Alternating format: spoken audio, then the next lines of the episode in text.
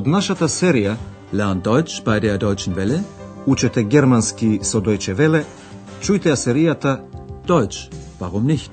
Германски зошто не?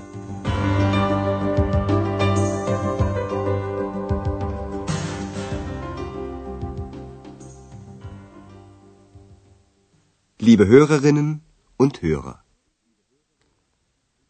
Добар ден, почитувани слушателки и слушатели.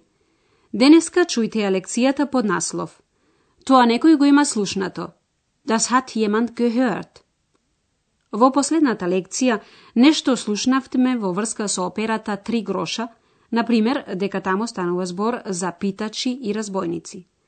Обрнете внимание на додатокот Н на именката во датив множина.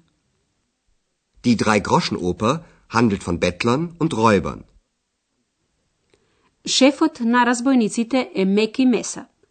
Обрнете внимание на додатокот Н на именката во машкирот датив. Der Name, но mit dem Namen. Ihr Chef ist ein Mann mit dem Namen Mackie Messer. По вечерта во операта, семејството Шефер се наоѓа кај Андреас дома. Сега е време за Андреас да каже како ја запознал Екс. Чујте ја уште еднаш приказката како Екс една вечер дојде кај Андреас, кога овој ја читаше книгата за вредните джуджиња од Келн, Den Меншин цу Келн. Овие мали и вредни суштества доаѓаа секој пат ноќе и ја довршуваа работата на занечиите. А кој не би сакал ваква помош? Исто така и Андреас посака помош и Екс испадна од книгата. Да го чуеме тој диалог уште еднаш.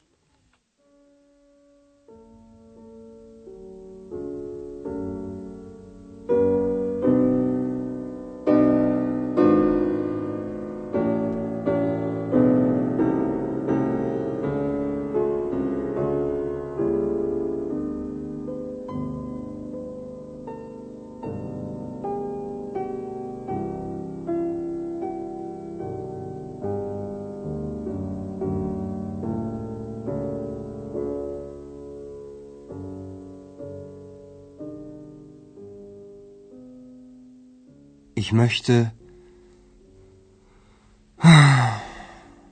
Naja, das gibt es sowieso nicht. Hallo. Hallo. Da bin ich. Wer bist du? Ich bin. Wer bist du?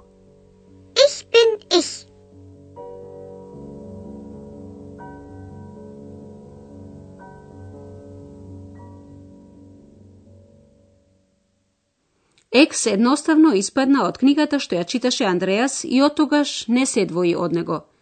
Меѓутоа, како Андреас да им ја објасни приказната на своите родители? Предпазливо им вели на родителите дека приказката, гешихте, не е за верување. Die Geschichte glaubt ihr mir bestimmt nicht. Андреас сепак раскажува онака како што беше – Бидејќи случката се случи од поодамна, тој раскажува во минато време. Па да чуеме.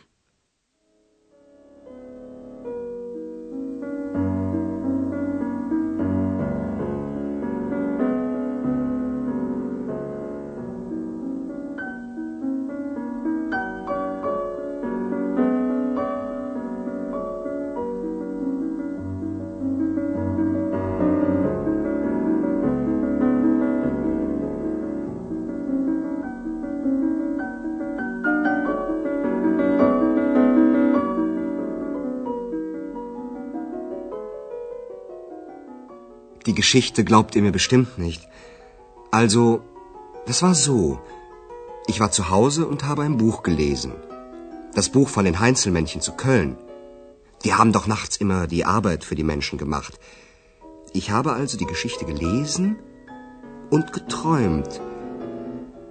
Und dann habe ich laut gesagt, ich möchte auch so eine Hilfe. Aber dann, dann habe ich mir gesagt, na ja, das gibt es sowieso nicht. Und dann? Psst. Das hat jemand gehört. Wer denn? Ex. Und sie hat gesagt,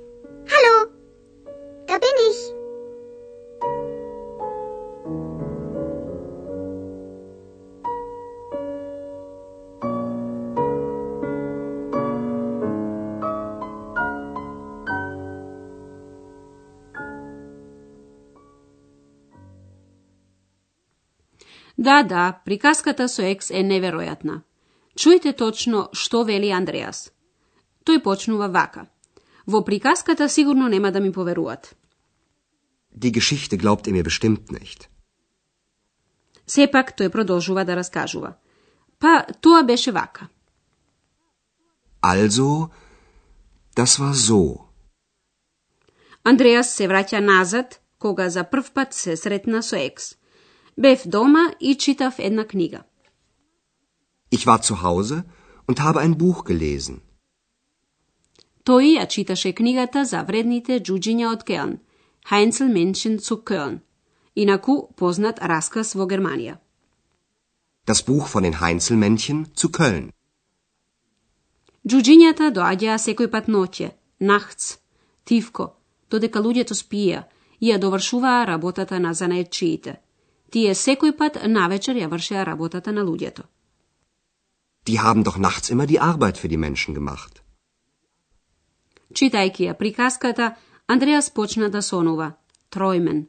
Значи, го читав расказот и почнав да сонувам. Ich habe also die Geschichte gelesen und geträumt. Андреас исто така сонуваше за помош, хилфе. Потоа гласно реков, и јас би сакал ваква помош. Und dann habe ich laut gesagt, ich möchte auch so eine Hilfe. Андреас знае дека желбите се исполнуваат само во сказните, но сепак гласно рече. Па тоа и онака го нема. Aber dann, dann habe ich mir gesagt, na ja, das gibt es sowieso nicht. Андреас меѓутоа се измами, бидејќи екс ја слушна неговата желба. Das hat jemand gehört. И како што веќе знаете, екс едноставно рече Ало, еве сум. Hallo, da bin ich. Па, почитувани слушателки и слушатели, можете да замислите колку родителите на Андреас беа изненадени кога Екс се замеша во раскажувањето на Андреас. Познато ви е дека Екс е невидлива, unsichtbar. А сега чујте како реагираат родителите на Андреас. Hallo, da bin ich. Wo denn? Wo ist sie denn? Ich sehe sie nicht. Ich bin unsichtbar. Und das alles sollen wir glauben. Sowieso. Na, Andreas, hilft sie dir denn? Ja, sehr. Да се задржиме уште еднаш на раскажувањата на Андреас. Господја Шефер е сосема збунета. Таа слуша глас, меѓутоа не го гледа екс. Каде е? Јас не ја гледам.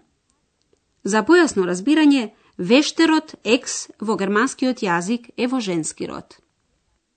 Wo ist sie denn? Ich sehe sie nicht. Екс ја открива тајната. Јас сум невидлива. Ich bin unsichtbar. Ова одеднаш е многу за господја Шефер. Таа многу не верува во приказната за екс.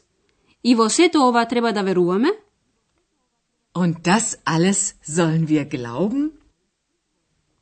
Господин Шефер со резерва прашува дали екс на вистина му помага, онака како што Андреас сака. Па, Андреас, дали таа ти помага? Na, Andreas, hilft sie dir denn? Андреас наоѓа за умно да не одговори. За него тоа го прави екс. Да, многу. Ja, sehr. Да ги оставиме родителите на Андреас во нивната скептичност, а ние да се навратиме во објаснување на минатото време, тоест перфектот.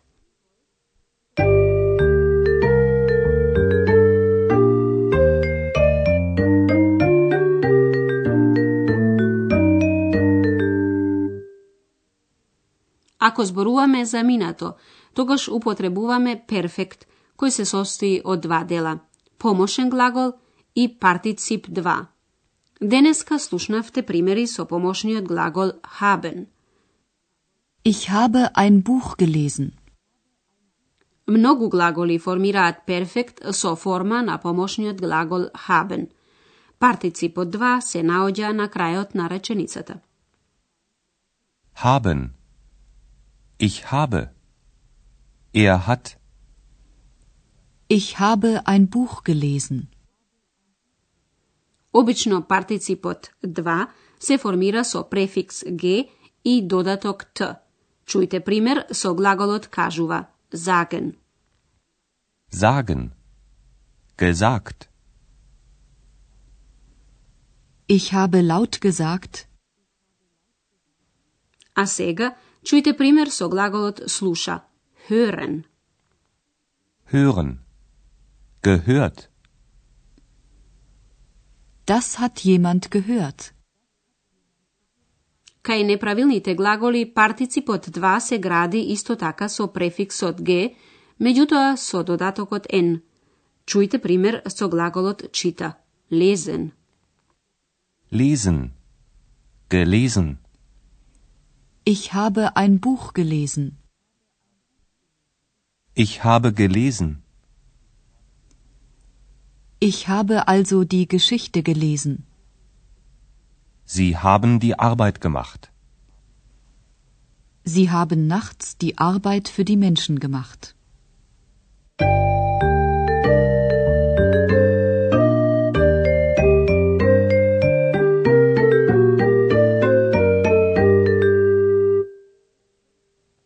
На крајот да го чуеме диалогот уште еднаш.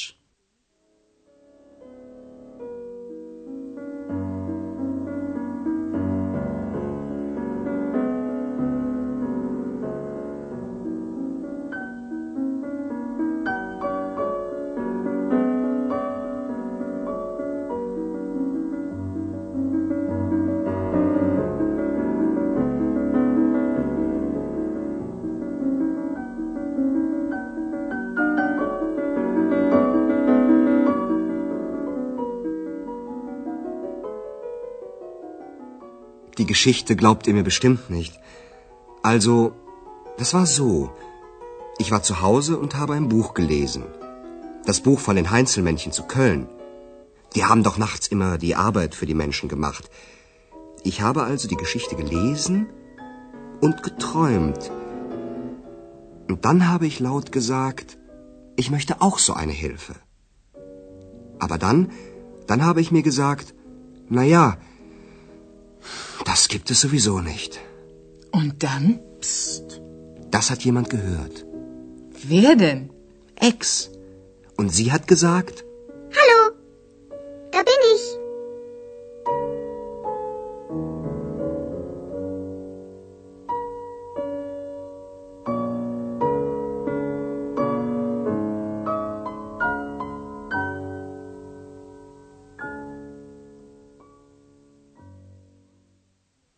И тоа е реакцијата на родителите на Андреас на приказната за екс. Hallo, da bin ich. Wo denn? Wo ist sie denn? Ich sehe sie nicht. Ich bin unsichtbar.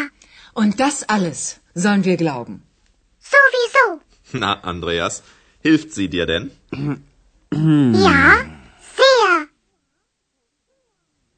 Толку за денеска, А до наредната лекција до слушање. bis zum nächsten Mal. Тоа беше германски Зошто не?